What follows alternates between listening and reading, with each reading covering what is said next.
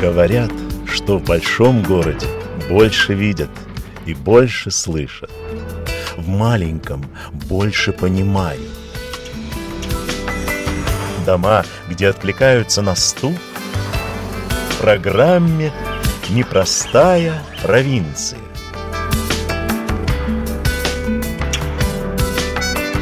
Программу «Непростая провинция» также можно послушать на веб-сайте Латвийского радио 4 LR4LV и на всех основных платформах поток вещания подкастов. Здравствуйте, я Ольга Гудис. Мы продолжаем гостить у Сандры и Даниса Янсонов в тихом дачном поселочке Лигутнес Валмирского края в 7 километрах от Валмиры в сторону Матиши.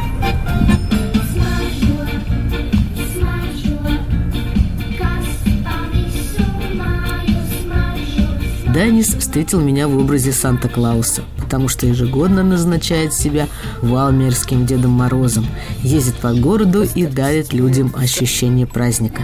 А невысокого роста изящная Сандра, наверное, его Снегурочка. А еще Данис умеет ходить на ходулях, играть на варгане и ставить пчелиные рейловки на деревья. При знакомстве с этой семьей мне подумалось – как человек, имея множество интересов, примеряя на себя множество ролей и профессий, может за одну свою жизнь прожить несколько.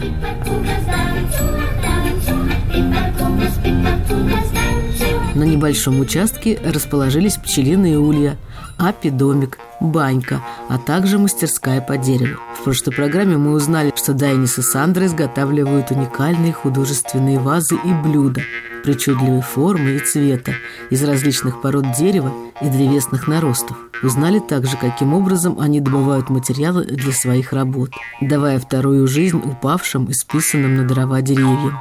Их великолепные изделия и стали поводом для нашего знакомства.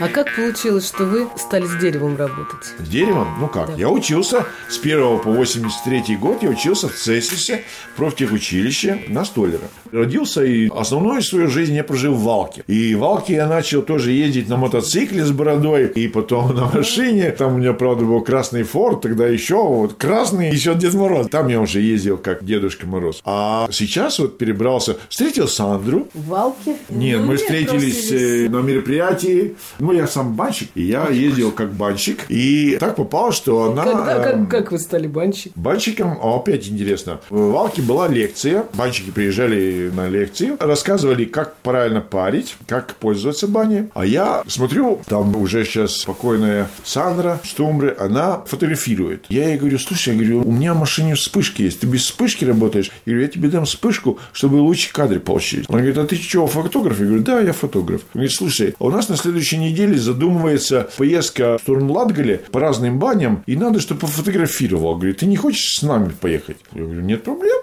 И ездил с ними по разным баням, фотографировал, и делали фотографии прямо в бане. Растопили баню, парили, и во время парения фотографировал. И потом эти фотографии попали на выставку даже. Была общая такая выставка финско-латвийско-румынская. И была там сауна, пирц, и Хурдо, по-моему, у них баня называлась. Короче, выставка трех разных бань. Подождите, давайте по порядку. Да. Что-то ну, ну. у меня уже каша в голове. No. Kokiem kā tu kļuvi par īšķas, В общем, короче, вы работали в мелиорации. Да. Это вы кем работали? Я работал столером. Я там опиливал доски, заготавливали материал для опалубок. Бетонировать торцы труб, которые через дорогу проходят. Вот им надо было опилить, угу. кору снять. И попадалось так, что привезли дерево, березу, болотную березу, которая ствол Красиво. такой красивый. Как я говорю, я не могу, у меня уже, душа да? не позволяет такой материал сейчас в бетон закатать. Я вот эти первые два метра, которые с корнем интересные такие, отпилил, оставил в сторонку. Я их возил с собой всю жизнь. С одного гаража на другой, с одного дома на руки, другой. Да? Руки не доходили, да? Да, руки не доходили. А здесь из этих досок получились у меня полки в бане, подоконник в бане. То есть здесь они наконец-то нашли применение. В Алке, в городе, на берегу речки была большая-большая сосна.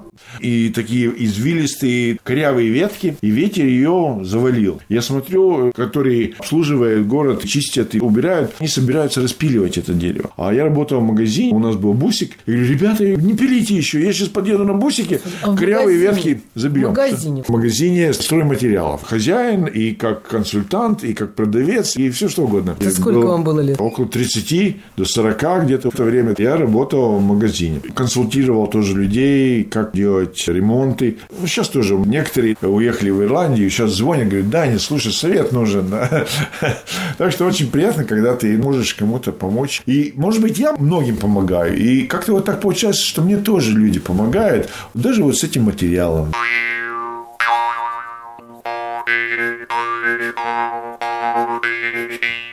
А где вы такую замечательную Сандру нашли? Ну вот, видите, вот В этих э, надо банях, было долго мне бродить по белу свету, есть чтобы долго? вот, да, и раньше я, когда говорил, моя вторая половинка, я это не воспринимал буквально. Ну как половинка? Человек целый. Как у него может быть половинка? Но сейчас я действительно понял, что вот это моя вторая половинка. Но да. она такая красивая, что просто невозможно. Ну, снегурочка. Она, она похожа, да, на киноактрису французскую. Да-да-да. Где вы нашли-то как? Ну, я говорю, мы поехали на банный фестиваль, и я как банщик ее парил. Она приехала туда с подругой. А и еще так... с эротическим уклоном все это было И так, э, нет, тогда мы только, я засмотрелся на нее, но мне не хватило смелости какие-то шаги сделать в ее сторону. Но я уже тогда понял, что все, я на следующий год тоже приеду на этот фестиваль, потому что я хочу ее встретить. Так вы Но- целый год ждали? нет, я хотел, я был готов ждать. Но А судьба нас увезет? встретила э, еще раньше. Потом получилось, что было учение банщиков и как талка, субботник. Мы ездили к одному банщику и у дороги сажали деревья. Банщики много веточки режут, чтобы веники делать. А тут была акция, что банщики, давай будем сажать деревья. И мы сажали по краю дороги, делали аллею разных деревьев. И я туда приехал, и Сандра с подругой тоже приехал. Потом был обед, лекции, и тогда уже был повод встретиться и поговорить. И так потихоньку-потихоньку мы начали разговаривать, друг друга понимать, принюхиваться друг к другу. И вот потихоньку наши отношения начали сближаться, сближаться. И в конце концов мы поняли, что мы друг для друга рождены. Это Ну, было в кем же? Году это было. Как в одиннадцатом? Потому что мы были женаты уже. Да, И до этого. Да. А, Да, так это у вас второй брак у? Да, Вы бросили свою жену? И Да. я бросила свою Оставил дом, оставил все. Но я ни минуты не жалею, потому что это тоже было время, которое было нужно, очевидно. В это время я тоже рос, менялся, что-то понимал, себя понимал, других понимал. То есть это тоже была часть жизни, которая должна была быть. Я не считаю, что если бы я встретил Сандру в молодости, что у нас все было бы так хорошо. Тогда мы были другие. Сейчас мы созрели, мы Да, поменяли ну, свои мысли. есть, я думаю. Да?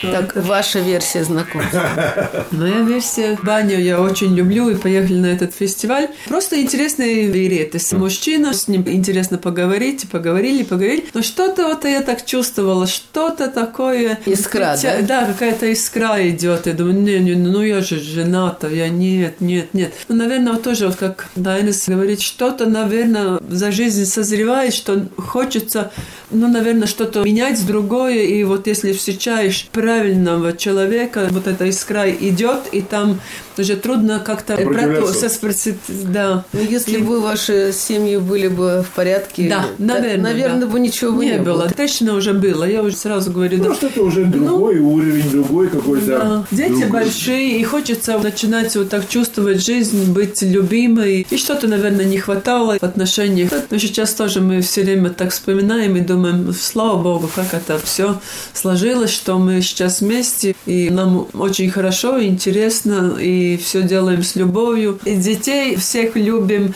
А много детей у вас вместе? У меня два, у Дайниса два, и- А, и у ты- нас и мазбарни. Внуки. Внуки тоже. Мы считаем, что это все у нас общее. И дети очень нас поддерживают да. и говорят, молодцы, что это правильный э, А какова выбор. судьба ваших супругов? Нормально живут и тоже Строить свою жизнь. да, свою жизнь. Мы сумели хорошие отношения и сейчас Сохранить. сохранить. Не Это- ссорились, мы оставались друзьями, встречаемся до сих пор. Да и сегодня Да. тоже Здорово.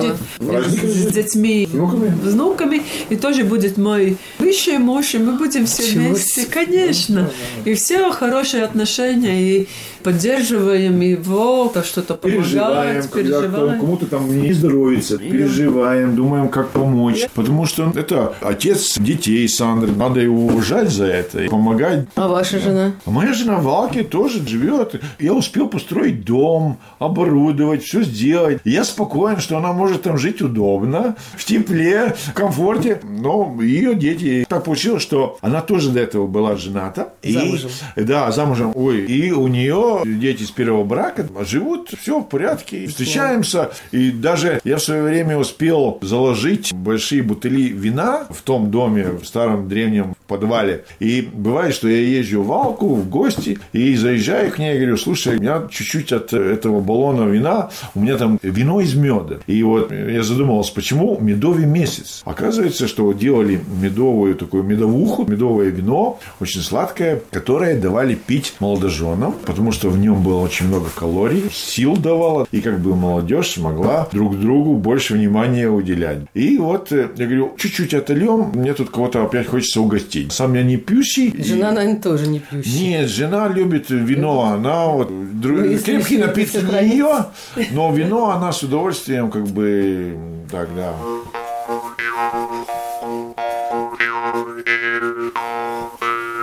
Расскажите теперь про себя. Я? Да. Я сама рижанка бывшая, но кончила техникум культуры и по назначению Массалаце начала работать в Доме культуры и водила коллективы танцевальные. И так я познакомилась там с первым мужем, и потом, когда уже родилась дочка, переехала в Валмир жить. Очень много работала и много себя вложила в танцевальных коллективах. Было очень народные интересно, народные танцы, да. Дети выросли, они мало видели маму, но они выросли, все в порядке. И, наверное, вот это было то, что если в семье что-то не делает вместе, любовь может быть меньше, тогда находят другое себя, себя вкладывать? вкладывать. Я вкладывала в работу очень много. С утра до вечера работала и в субботу. Но все нормально. Так вышло, что вот Дайнис познакомилась, и совсем другое какое-то жизненное качество уже появилось. И когда была любовь уже с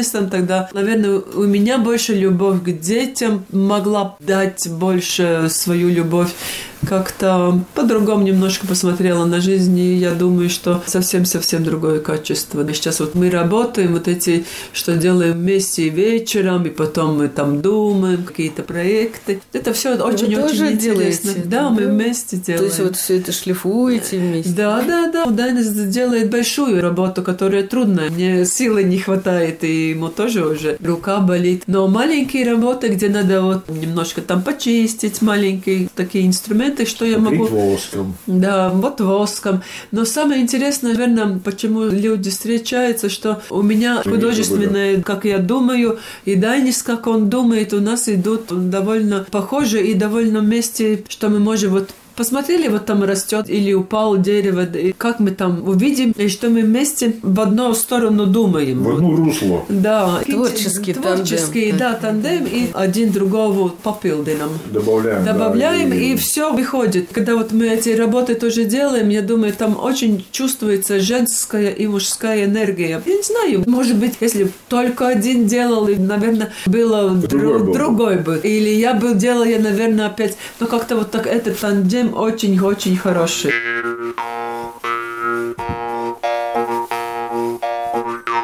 Так вы это начали делать совместно? Последний толчок был такой интересный. Мы с детьми весной на Пасху идем в лес искать яички пасхальные, которые там зайчик оставил. И рядом с Омерой есть такой Иршу паркс. И мы в этот парк старый, и заросший, такой Это уже с Сандрой. Да, Да, да, да. И с ее внуками шли искать эти яички, и заодно брали с собой большие черные мешки, чтобы собрать в лесу мусор. Ну, кто-то банку кинул, кто-то пачку сигарет. и типа, чтобы заяц не споткнулся, это это как и такой воспитательный момент для внуков тоже, что кидать бумажки и разный мусор не надо. Мы вот собирали. Собираем, собираем мусор и смотрим, какая-то вот такая деревяшка, вся зеленая от моха, ну как камень. Ногой стукнул, нет, шевелится, деревяшка. Корявая такая. Посмотрел, дубовая.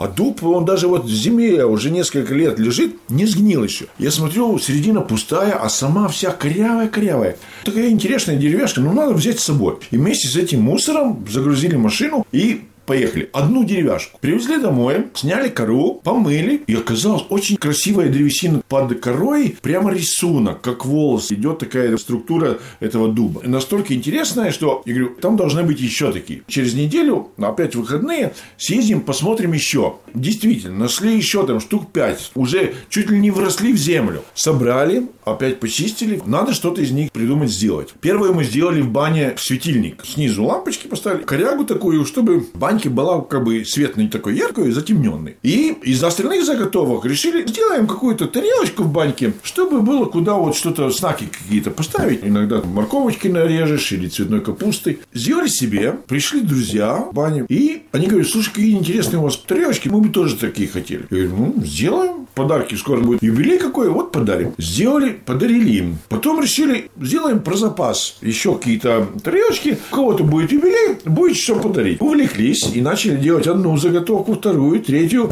Потом уже в шкафчике места не хватает. И полтора года назад, полтора да, года назад э, э, приехали на первую ярмарку. А до этого некоторые деревяшки копились 30 лет назад. Но они ждали своего времени. Полтора, грубо два года назад у нас был первый толчок, когда мы начали уже более усердно заниматься вот этими всеми делами. Так вы это совсем недавно. И неудивительно, что у вас вместе это родилось.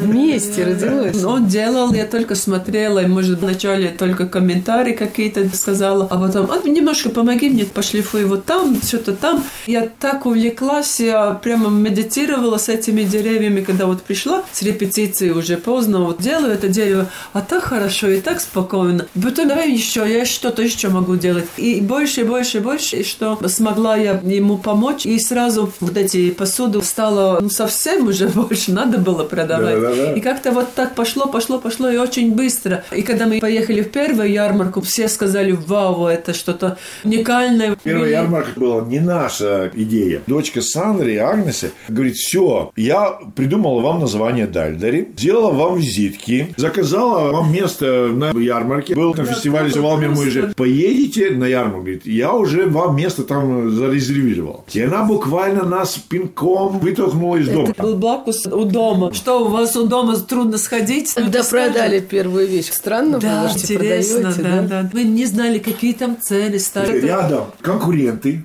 Тоже которые дерева. делают на фрезах разные дощечки, столер. Мы подходим к ним и говорим, как ты думаешь, сколько вот это могло бы стоить? Не знали никак. Мы-то зеленые, до сих пор мы считаем, что мы зеленые, мы еще много чего не знаем. Они очень-очень хорошие люди, они помогли. Но они, наверное, сказали, что это вообще бесценно. Да, да, но такие молодцы. Сейчас они друзья у нас. Помните первую вещь, которую продали? Там было так, что под конец этой ярмарки у нас было одно изделие, такое мистическое, интересная ваза из дуба. Она чуть-чуть напоминала голову дракона. И жена одного музыканта, который выступал на этом, этом фестивале, подошла, говорит, я не могу, мне так нравится, я хочу. Это была последняя покупка в этой ярмарке. Мы уже собирались практически уже уходить. И она пришла, говорит, я не могу, я хочу это изделие с собой. Потом мы говорили, что как бы жалко стало, что действительно настолько это была уникальная работа, уникальная заготовочка сама попалась. Как ребенка отпускаешь в чужую семью. Вот так Первый мы ребенок, иногда да. на свои изделия тоже как на детей смотрим и говорим, с одной стороны жалко, а с другой стороны хочется, чтобы люди видели. У нас есть партнеры, которые наши работы везут, ставят в галереи за границей, в Японии, в Америке. Это Но- галерейная работа. Да, интересно. да. Но нам важно, чтобы люди в Латвии тоже пользовались интересными работами, чтобы они видели. И иногда мы цену ставим меньше для того, чтобы люди здесь могли позволить. С одной стороны, ты понимаешь, сколько времени ты вложил, столько труда, материалов, сколько разного покупал, чтобы довести эту идею до победного конца. Но с другой стороны, понимаешь, что люди не смогут оплатить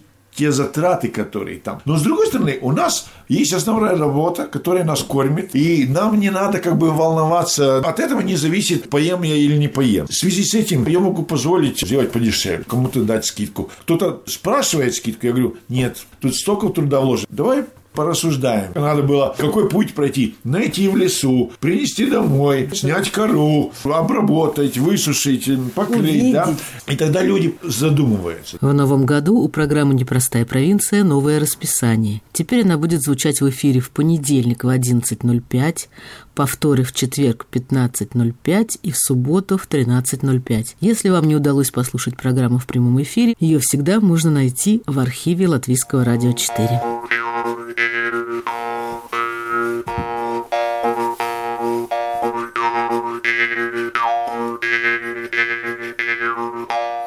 Сандра, вы работаете сейчас тоже? Да, днем я агент, Вы менеджер, ездите который едет по магазинам и Поздравительные поздравительные карточки. Вот этот весь товар, который идет на праздник. Карточки пишет, мешочки покупает, вот это все. Это я агент даю магазинам. Я езжу каждый день 300-400 километров. Все это Видимо. моя работа. И вечером я тогда или танцую, или пилатес, аэробика делаю. Как тренер? Как тренер. И потом, когда еще оставляется немножко время, еду сюда. Я очень хочу уже, а, давай быстрее сюда и работать вместе А может, надо Тайнисом. было бросить эту менеджерскую работу? Э, здесь Потому что больше? еще немножко до пенсии. А, пенсии надо, да, Да. да, да. Нет, это тоже хорошая работа. Но это как-то все вместе, там я сижу. Для переменки, Да, и картинки. потом опять Видите, попрыгать. здесь тоже было бы Быть Тяжело, трудно, да, да, да, да. И так все вместе сложилось. Потом я опять повыигрываю, попрыгаю, устаю здесь опять медитирую. А с медом как у вас получилось? Медом тоже было интересно. К нам на мой день рождения летом приехал наши друзья. Мы гуляли, у меня есть большой казан, я делаю плов узбекский.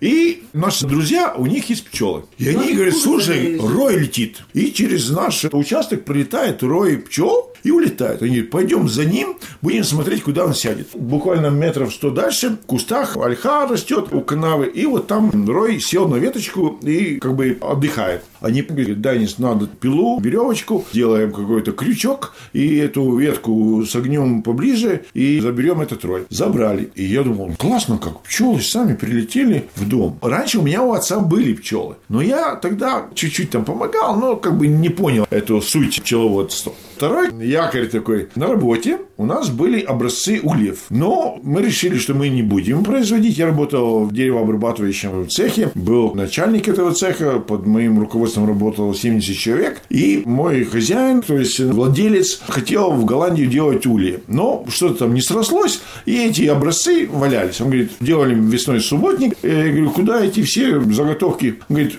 будем сжигать, не будем мы делать ули. Ну, мне жалко, готовые ули, ну, разные детали. Думал, нет, я не буду сжигать, я привезу домой, разберусь, что там хватает, чего не хватает. Посмотрел, донышка нету, крыши нету, рамочек нету. Но само гнездовое, магазинные части есть, уже 80% от ули есть. Надо чуть-чуть доделать. Ну, а я-то столяр, что мне там, донышко сделать или крышу? Собрал первых три улья из этих заготовок. Почитал в книжках, посмотрел в интернете, сделал рейловки, разложил в лесу рейловки и первый рой поймал. Запустил в свои ульи. Потом я уже понял, что надо купить породистые пчелы. Покупал матки специально и менял. А потом мы дошли до апидомика, что мы решили, что надо полежать на 20 уже пчелах. Данис очень быстро так увлекается, что я смотрю, пять уже, десять, и они как-то сюда даже... Прямо к нам сюда прилетают. Прилетают. Даже уже не ставим в лес, Они прямо сюда здесь, прилетают. в яблони. Вы Наверное, оба так да, излучаете и- любовь, что они, наверное, и летят. Стоп, стоп, уже 20, ну куда, куда, куда? И много работаю с Ну, ними. Кусали вас? И кусали меня, и Даниса кусали. Он как-то меньше боится. Не, не пухнет. Я пухну, да, но... Пару раз было, что глаз был такой, как слива. Пчела укусит где-то в голову, а вся щека распухает. Но Сандра, когда больше... Если здесь Да. у вас летает на участке, но сейчас, слава Да-да-да. богу, зима. Когда Ой, привыкаешь и понимаешь суть, даже если кому-то волосы пошла, не надо к голове прижимать эту Да, пчелу. да, Возьми волосы в руки, сдавишь ее, просто из волос вытаскиваешь, и нет проблем. Я говорю, кричи, я подойду и вытащу.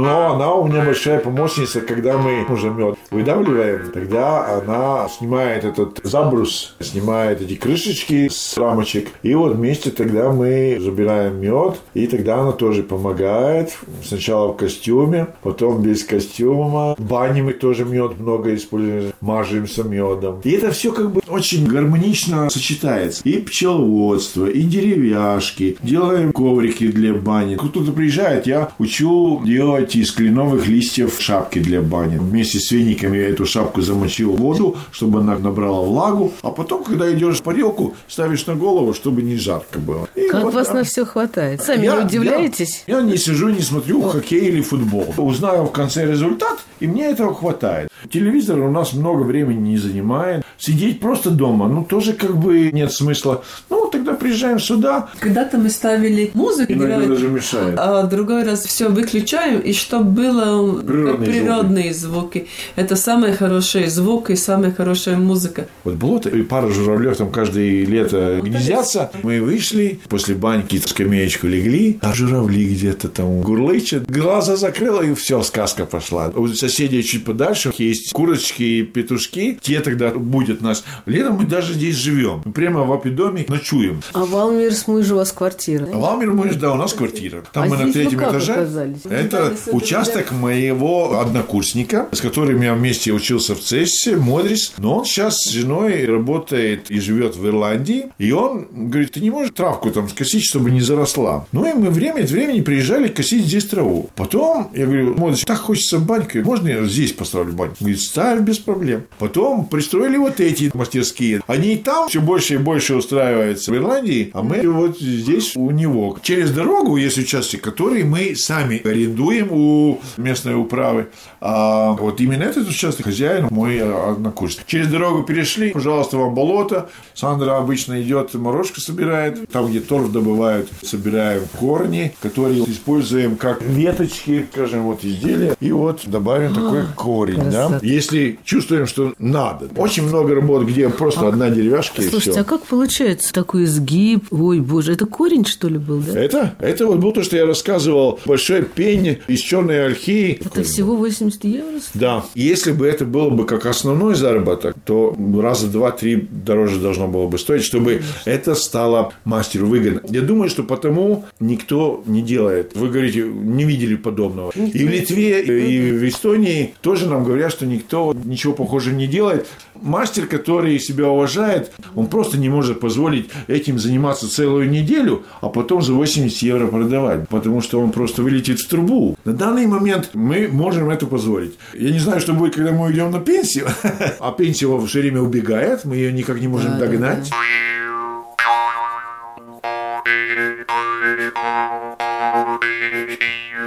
Пенсию, наверное, Данис и Сандра когда-нибудь догонят. А вот старость точно их не настигнет. Ведь они умеют играть и не только радоваться сами, но и радовать других один бак топлива я проезжу как Дед Мороз. И вот я заправляю бак, 50 литров по городу, разъезжаю с 19 по Рождество, иногда даже до Нового года, когда начинает темнеть, 3-4 часа после обеда начинаю, и где-то до 8, когда основная масса людей ходит и с детьми гуляет, тогда я меньше здесь в мастерской, и тогда я как бы дань Рождеству отдаю. Я могу позволить пойти в базу купить большую сумку конфет, ближе к самому Рождеству я даже одеваю весь костюм. У меня есть палка такая витая, она прямо скрученная. Тогда я останавливаюсь, выхожу из машины и иду к людям, раздаю детям конфеты. У меня есть варган, тогда я где-то сыграю на варгане.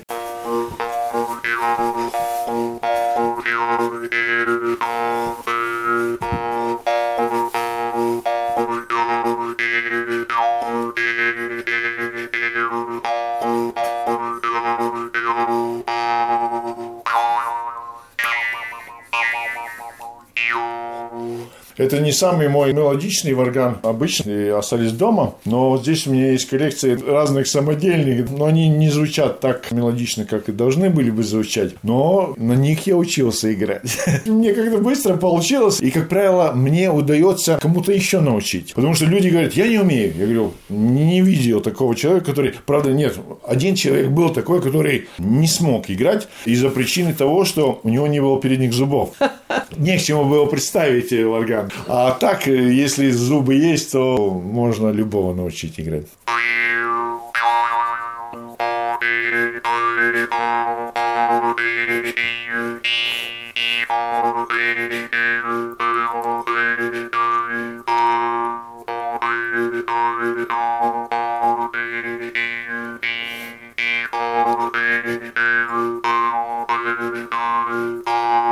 И тогда более близко к людьми, там, пожелать что-то, переговорить с детьми. Хочется в этом темном времени что-то светлое. Светлого нету. А тут такой светлячок едет, люди заранее уже видят и уже местные знают. Неважно, знает ли кто-то, что мы это делаем, но важно, что у людей хорошее настроение.